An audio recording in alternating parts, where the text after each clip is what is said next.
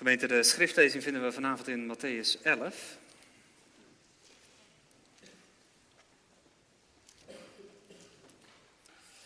Matthäus 11, vers 1 tot 6. Dat is ook het uitgangspunt voor de preek. Matthäus 11, vers 1 tot 6.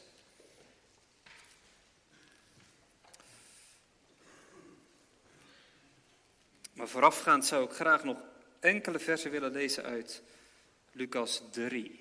Dus Matthäus 11, maar eerst een enkel vers uit Lucas 3.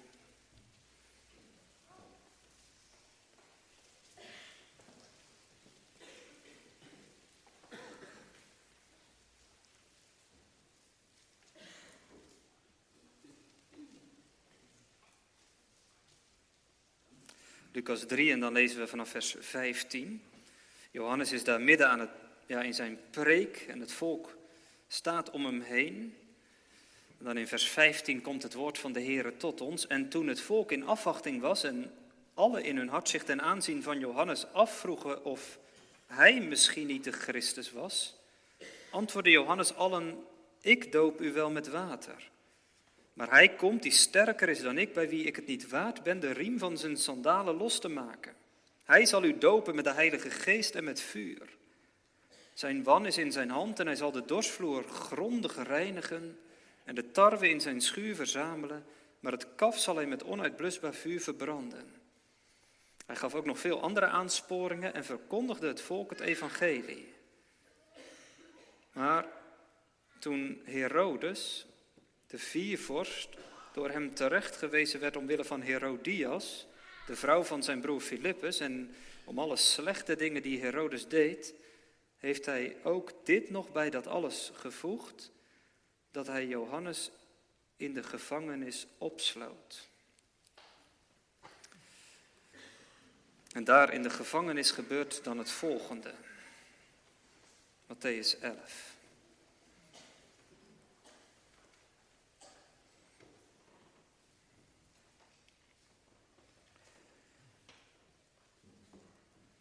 En het gebeurde toen Jezus geëindigd had zijn twaalf discipelen opdrachten te geven, dat hij vandaar vertrok om onderwijs te geven en te prediken in hun steden. Toen Johannes in de gevangenis over de werken van Christus gehoord had, stuurde hij twee van zijn discipelen en zei tot hem, bent u het die komen zou? Of verwachten wij een ander? En Jezus antwoordde en zei tegen hen, Ga heen en bericht Johannes wat u hoort en ziet. Blinden worden ziende. Kreupelen kunnen lopen. Melaatsen worden gereinigd en doven kunnen horen. Doden worden opgewekt. Aan armen wordt het evangelie verkondigd. En zalig is hij die aan mij geen aanstoot neemt. Tot zover deze schriftlezing. Kerntekst is vers 3 van hoofdstuk 11, waar Johannes zijn discipelen laat vragen, bent u het die komen zou, of verwachten wij een ander? De twijfel van Johannes de Doper. Kerntekst voor vanavond is dus Matthäus 11, het derde vers. Bent u het die komen zou, of verwachten wij een ander?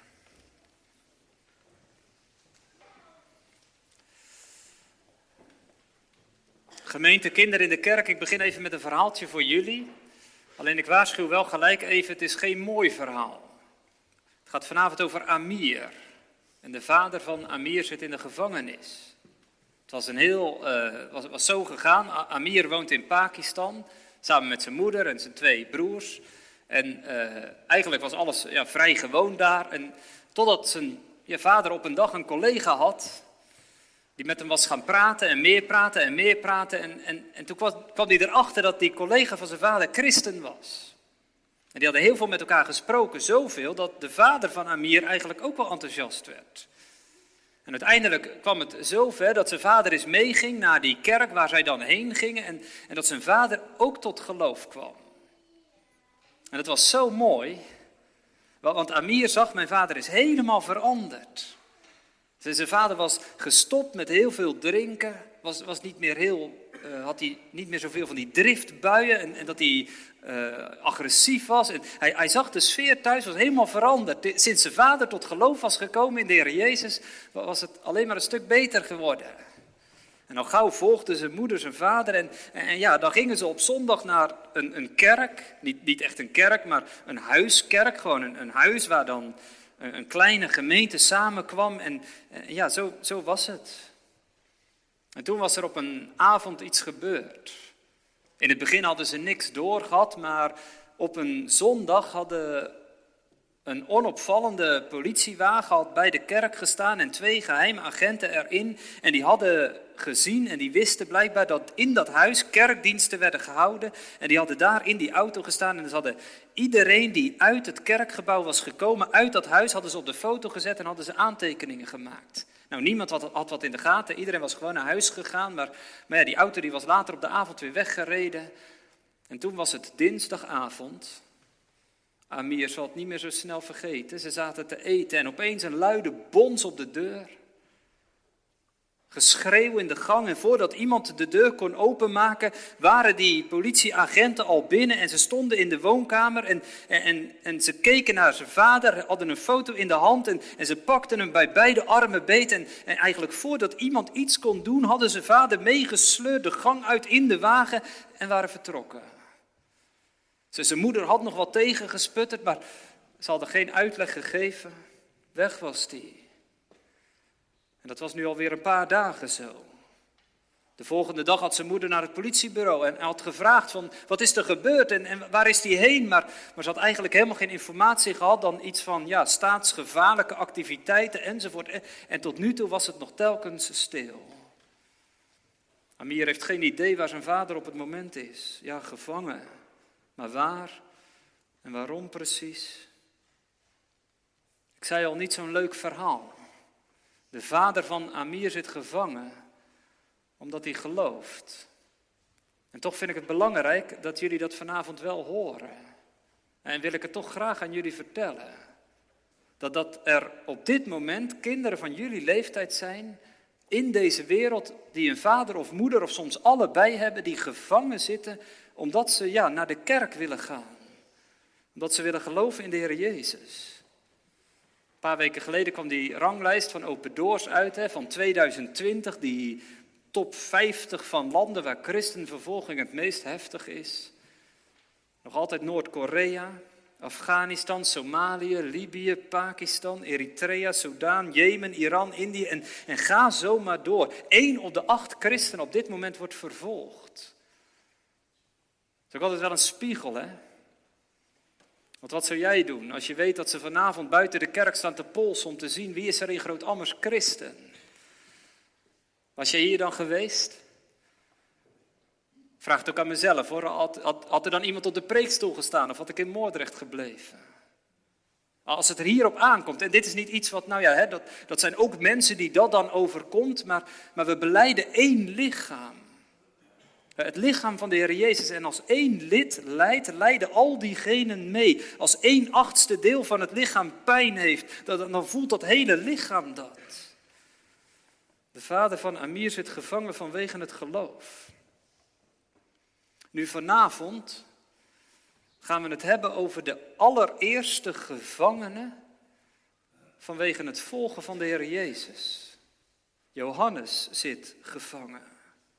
Johannes treffen we in hoofdstuk 11 aan in de gevangenis, in een donkere kerker. Dan zeg je, hoe kwam dat nou weer? Dat is een heel verhaal. Maar, maar het meest simpel om het samen te vatten is misschien wel dit. Omdat Johannes God meer vreesde dan mensen. Omdat hij meer rekening hield met God dan met de mensen omdat hij zo trouw wilde zijn aan het woord van de levende God, al kostte hem dat zijn vrijheid en zelfs zijn leven. Wat was er gebeurd? Nou, we hebben dat heel beknopt gelezen. Herodes was ja, de koning, de baas in dat gebied van Israël. Om nog iets nauwkeuriger te zeggen, Herodes Antipas. Dat was een zoon van die vreselijke Herodes van de kindermoord. En zijn zoon was al niet veel beter, een vrede een angstige, grillige dictator. Zo als er helaas op de, tot op de dag van vandaag veel in deze wereld rondlopen. Zo, zo iemand die regeert door een samenleving en een bevolking in de greep te houden van angst en achterdocht. Waar je geen grapje over durft te maken, waar cabaretiers hun mond wel houden omdat ze niet willen worden opgepakt. Zo iemand was Herodes Antipas, letterlijk een viervorst. Na de grote Herodes, zijn vader, was het rijk ja, in soort vier stukken uiteengevallen. En, en ja, zijn, zijn zoons en schoonzoons hadden die stukken verdeeld. En het gebied rond Galilea, dat was dan het gebied van Herodes Antipas. En hij deed vaak vreemde dingen. Maar daar had je het niet over. In Israël vonden ze het wel grillig en vreemd wat Herodes allemaal uitvogelde. En die geruchten die drongen wel wat door. En, en soms ja, zong en, en zoomden het rond in de omgeving. Maar, maar, maar vaak, nou ja, als je al een mening had, die hield je wel voor jezelf. Zelfs binnenshuis, met je eigen man of vrouw of je broer of zus, of, sprak je daar niet over. Want, want stel, de muren hebben oren. Of op de markt als je een vriend of vriendin tegenkwam. En, nou, dan had je het niet over Herodes. Want, want er mocht dus iemand meeluisteren die je... Ver, sterker nog, je durfde je zelfs amper een mening te vormen. Want er zouden eens gedachten kunnen lezen. Nee, Herodes kon doen wat hij wilde. Macht en angstcultuur hield de mensen in de... Niks zeggen, niks denken, dat is het beste. Nou, dan kun je nog redelijk comfortabel en soepel door het leven. Nou, en Herodes deed vreemde dingen. Hij was op een dag uh, op reis gegaan naar Rome, een soort eh, zakelijke, politieke reis richting Rome. En op die reis had hij een affaire gekregen met ja, de vrouw van zijn broer, de, de vrouw van Filippus. En hij had een affaire gekregen met die vrouw en, en hij wilde dat eigenlijk aanhouden. En die vrouw, Herodias, ook wel. Maar het probleem was, Herodes Antipas was al lang getrouwd. Getrouwd met een Arabische dochter van een koning. Facelis. En die Herodias had ook al een kind van ja, de zwager van Herodes. Maar, maar goed, die affaire die ging door. En, en, en teruggekeerd wilden ze dat eigenlijk toch graag doorzetten. En Herodias had aangemoedigd: joh, stuur die vrouw van je gewoon weg, scheid van haar. En, en dan kunnen wij trouwen en dan is er geen veldje meer aan de lucht. Nou, zo geschiedde. En op een dag kwam de koning weer thuis en opeens was Herodias zijn echtgenoot. En van die Facedes werd helemaal niets meer vernomen. Teruggestuurd naar het land van herkomst. En in Israël ging alles door alsof er niets gebeurd was. Niks zeggen, niks denken, dat is het beste. Ja, totdat. Totdat daar ergens een vreemde profeet aan de oever van de Jordaan staat. Een wonderlijke prediker die zijn mond niet kan houden die God meer vreest dan de mensen. Die voor al zijn doen en laten maar één maatstaf heeft. En dat is wat zegt het woord van God. Die zich niet laat leiden door angst, niet laat leiden door wat zeggen de mensen, niet laat leiden door wat kan mij allemaal overkomen, maar die zich alleen maar wil laten leiden door het woord van de levende. Door de woorden van de Heer. En, en laat dat woord nu uitgerekend ook iets zeggen over het huwelijk. Laat dat woord nu ook iets vertellen over wat Gods bedoeling is met het huwelijk van man en vrouw. En, en zonder een blad voor zijn mond te nemen, staat hij daar bij de Jordaan. En opeens richt hij zich tot het paleis en hij zegt: Herodes, die, vrouw met, met wie je nu getrouwd bent, dat is heel je vrouw niet.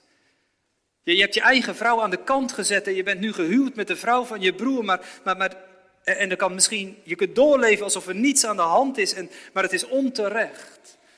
En het is zonde voor God en, en het gaat lijnrecht in tegen de bedoeling van God in het huwelijk. Alsjeblieft. Ergens, ik weet niet hoe het jou gebeurt, maar als je dat dan hoort, krijg je toch ook wel een soort mateloze bewondering voor deze Johannes. Zo trouw aan zijn God. Kijk, dat hij daar bij de oever van de Jordaan stond te preken en, en dat zijn boodschap messcherp was, dat kon je weten. Want hij had al die verschillende mensen daar bij de Jordaan één voor één aangesproken. Hij had de Israëlieten aangesproken die zich beroemden op hun afkomst. Die zeiden, wij zijn kinderen van Abraham.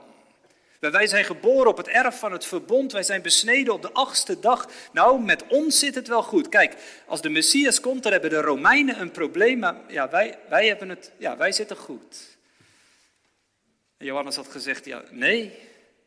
Je kunt wel geboren zijn op het erf van het verbond. En je kunt een kind van Abraham. Maar de Heer kan zelfs uit deze dode stenen kinderen van Abraham verwekken. En jullie zeggen wel, onze levensboom staat op het erf van het verbond. Maar Johannes zegt, als die levensboom geen vruchten voortbrengt van geloof en bekering, geen vruchten der bekering waardig, dan dient hij nergens toe dan uitgehouden en, en in het helse vuur geworpen te worden.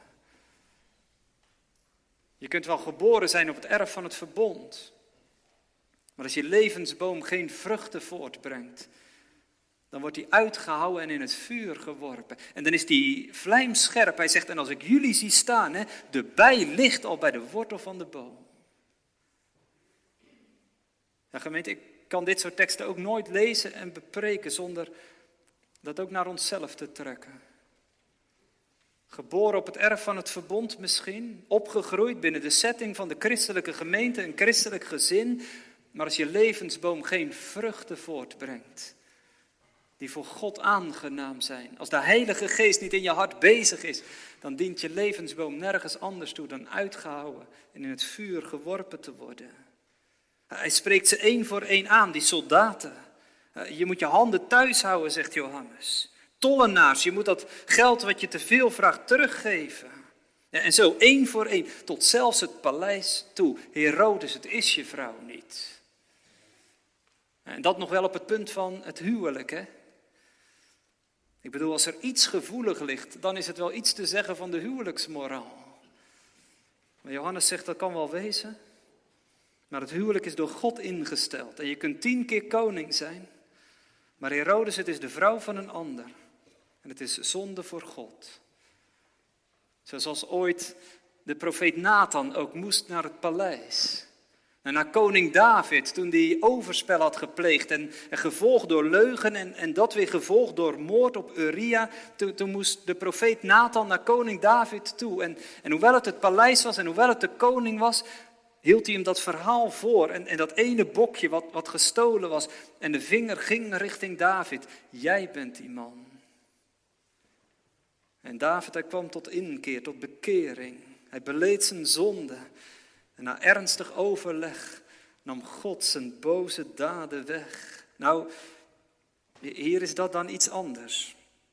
Want terwijl de vinger van Johannes naar het paleis gaat, komen de soldaten de paleisdeuren al uit. En, en even later nemen ze Johannes gevangen en ze voeren hem mee, waarschijnlijk naar de burcht Mageerus. Bij de Dode Zee in Israël, onderin de Dode Zee en dat gebied daaromheen. Daar had Herodes een, een, ja, een burcht gebouwd, een soort prachtige vesting, op een hele grote rotspartij. En daar onder, in die rotspartij, in die uitgehouwen gangen, en hadden ze kerkers gemaakt. En, en daar, daar slepen ze Johannes naartoe. Die, die gevangenneming heeft wel iets dubbels. Want het is eigenlijk nog verrassend dat, dat hij hem gevangen neemt. Hij is natuurlijk publiekelijk aangepakt en ja, het was de eer van een koning te na om dan ook niet publiekelijk Johannes zo snel mogelijk uit de weg te ruimen. Maar, dat doet Herodes niet. Hij brengt hem niet om, nee, hij brengt hem in de gevangenis. Er staat, hij wilde hem wel doden, Matthäus 14, maar hij was bevreesd voor de menigte. En, en dan staat er nog iets geks, dat staat in Marcus.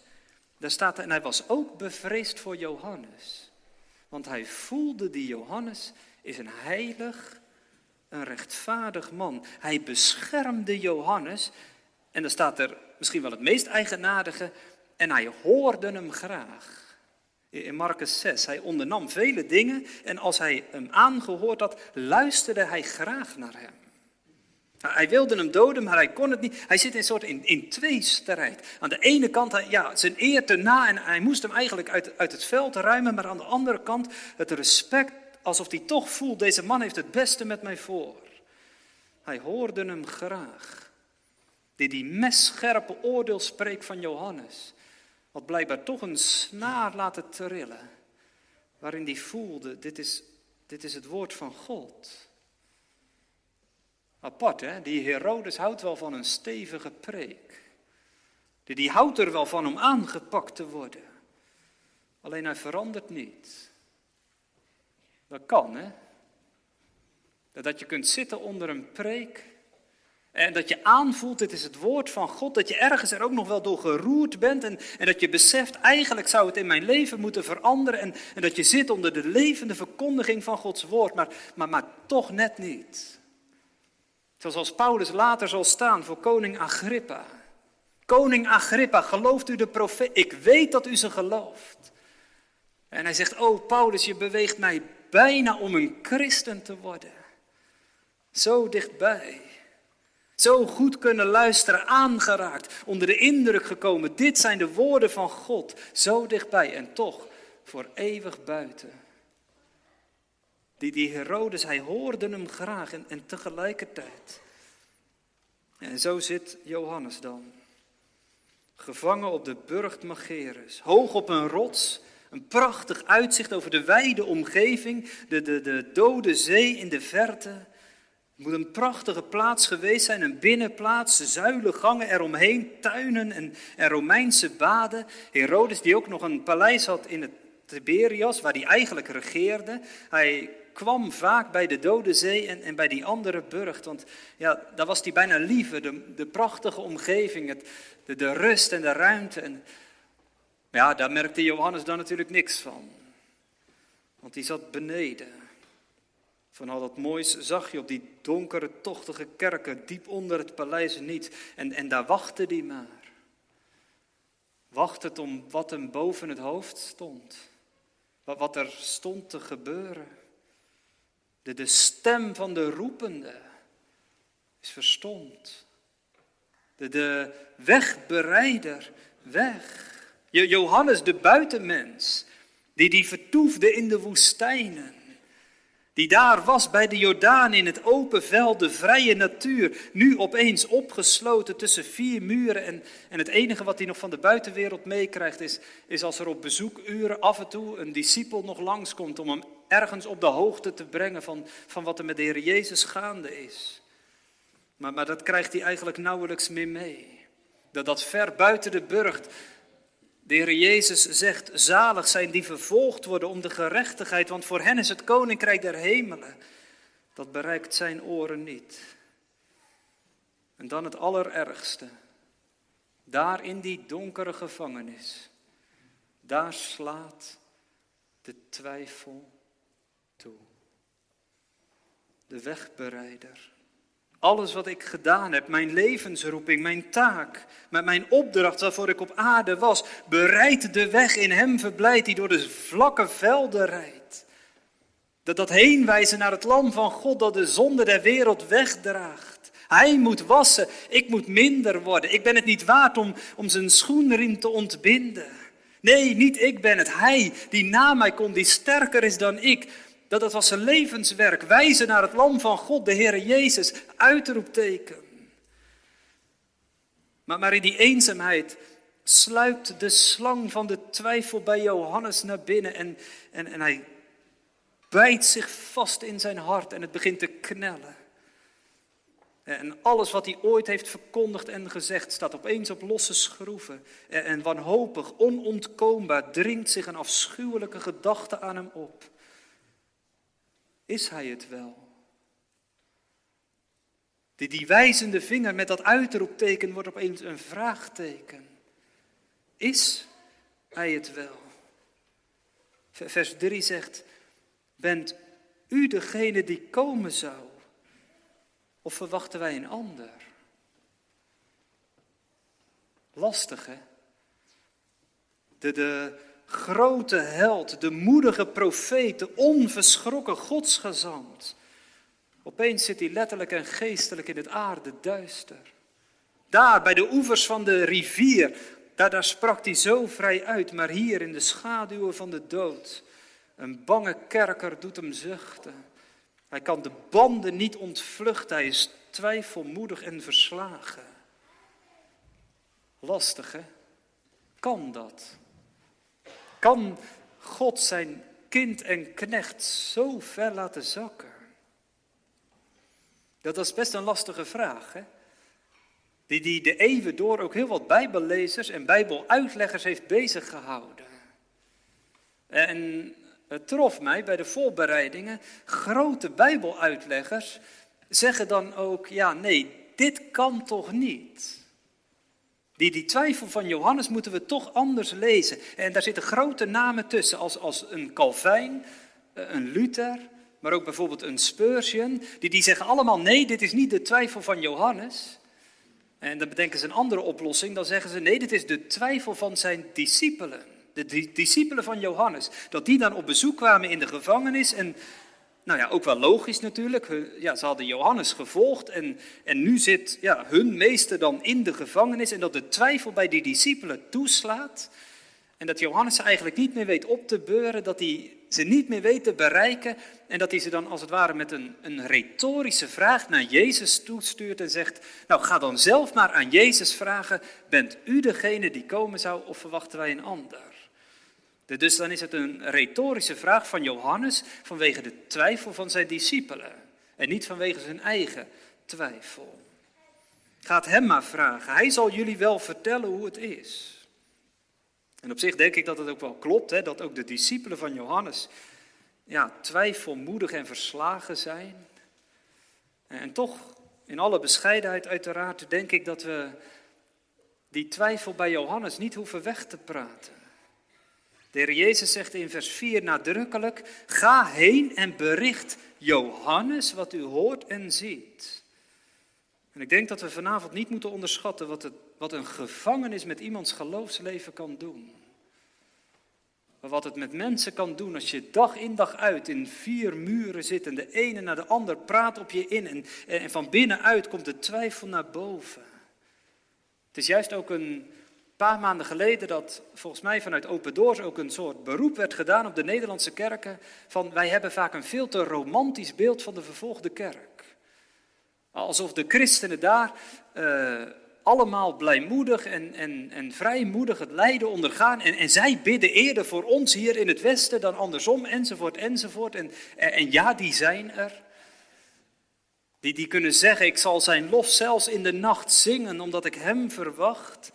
Maar, maar het is heel vaak ook anders.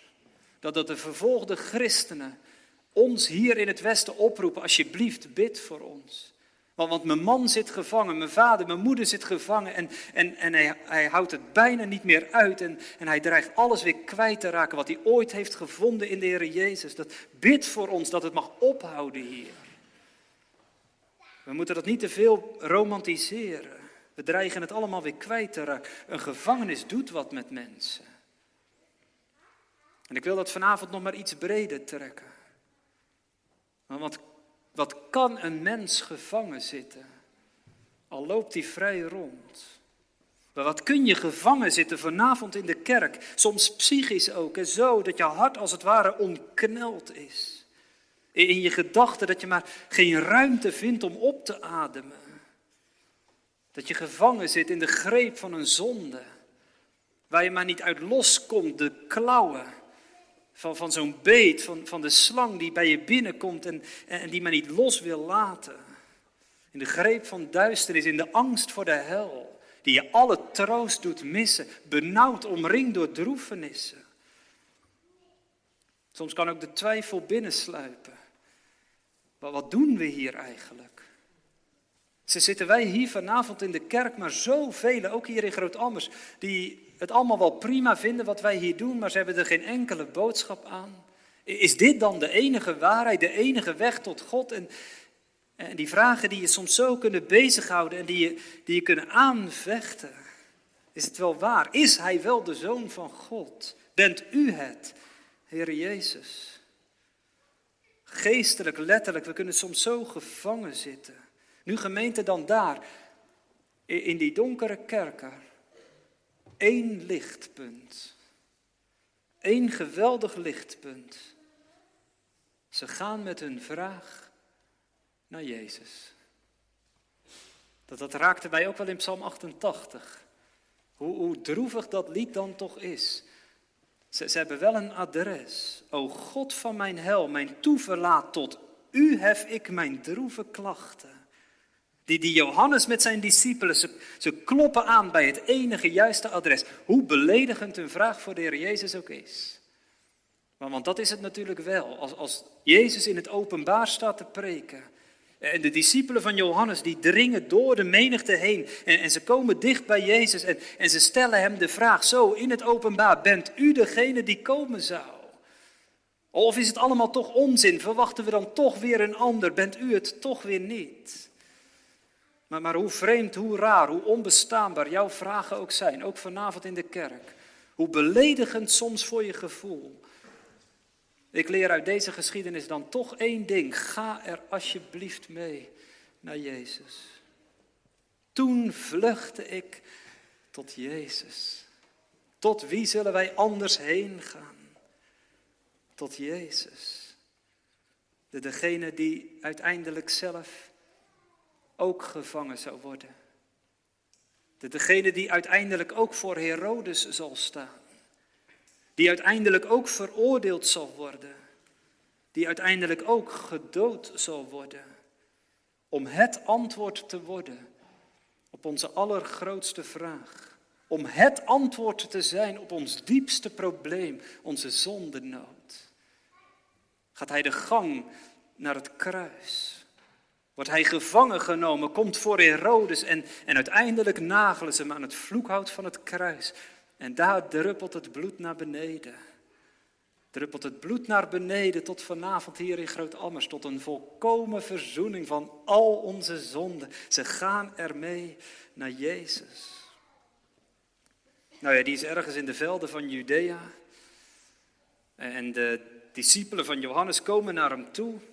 Ze krijgen de ruimte om een vraag te stellen. En ja, het antwoord is dan ook wel wat typisch eigenlijk. Hè? En Jezus antwoordde, zegt vers 4, en zei, ga heen en bericht Johannes wat je hoort en ziet.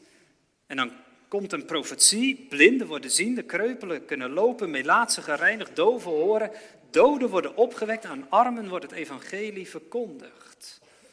Dus Jezus geeft niet antwoord op de vraag van, bent u het? Dat hij zegt, uh, ja hoor, zeg maar gerust tegen Johannes, ik ben het. Nee, hij haalt een oude profetie aan. Gedeeltes uit de profeet Jezaja. Blinden worden ziende, enzovoort, enzovoort. Eigenlijk zegt hij niets nieuws. Want, ja, dit wist Johannes al. Ten slotte staat dat in, in, in vers 2. Hè? Toen Johannes in de gevangenis over de werken van Christus gehoord had, stuurde hij twee van zijn discipelen. Met andere woorden, dat wat Jezus doet, de wonderen, de werken, daar had Johannes in die burcht van gehoord. En nou gaat ze naar Jezus toe met die twijfel en Jezus zegt eigenlijk, ja, precies hetzelfde. Tussen vers 2 en vers 5 zit iets wat, ja, wat Johannes al lang weet. En precies dat is het antwoord op zijn twijfel. En dan dalen we even iets dieper af in de tekst. Die, die twijfel van Johannes, dat is natuurlijk ook een twijfel aangaande de, ja, de figuur van de Messias. Johannes was de wegbereider, maar we moeten niet vergeten in die tijd, de Messias, dat was ook nog, ja, hij zou komen, en, maar hoe precies, dat, dat was natuurlijk een soort vaag idee wat men ervan had. En hoe precies dat zou uitpakken, dat, dat wist Johannes natuurlijk ook nog niet. We, we zien gaandeweg die prediking van Johannes ook wat veranderen. In het begin is de prediking heel sterk een gerichtsprediking. De, de Messias die komt en, en de wan is in zijn hand, enzovoort, enzovoort. Maar als hij dan de Heer Jezus ontmoet heeft, dan, dan wordt die prediking richting Jezus als het ware genadiger. Dat is nou het lam dat de schuld gaat wegdragen.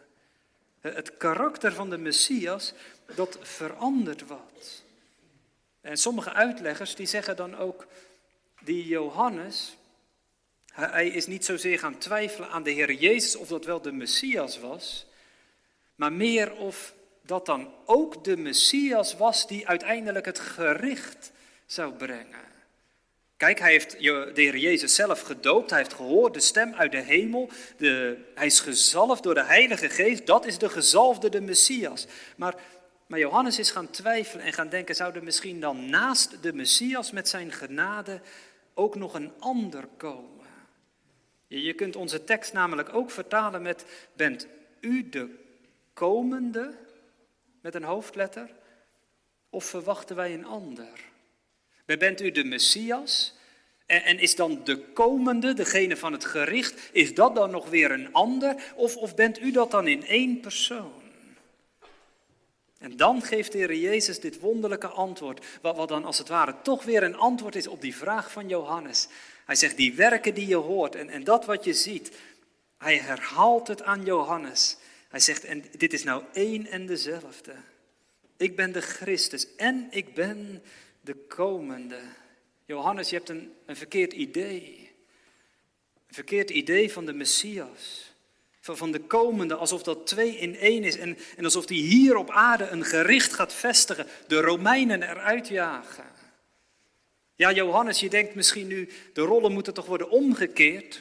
De, de Romeinse heer, uh, Herodes, die zit boven in de burcht en ik zit in de kerker. Moet, moet het niet precies andersom? Ik boven en, en die Romeinse heerser in de kerker.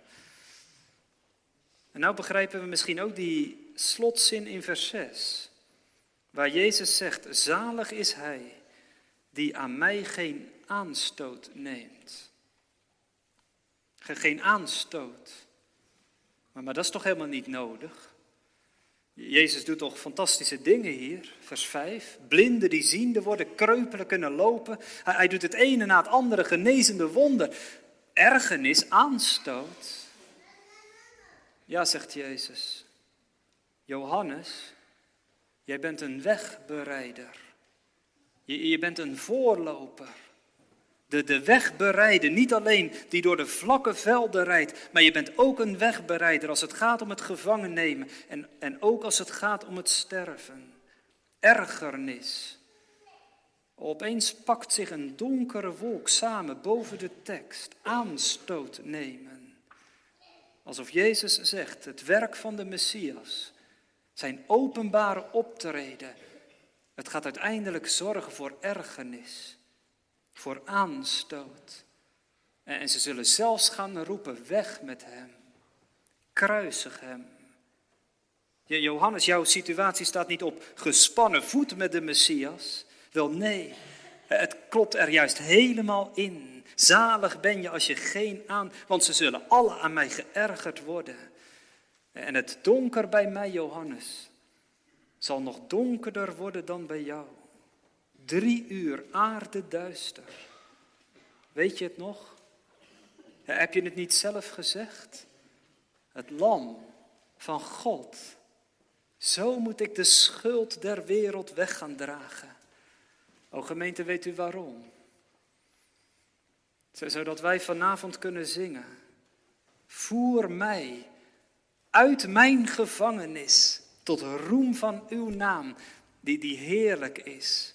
En dat mij het rechtvaardig volk omring en vrolijk van uw weldaden zing.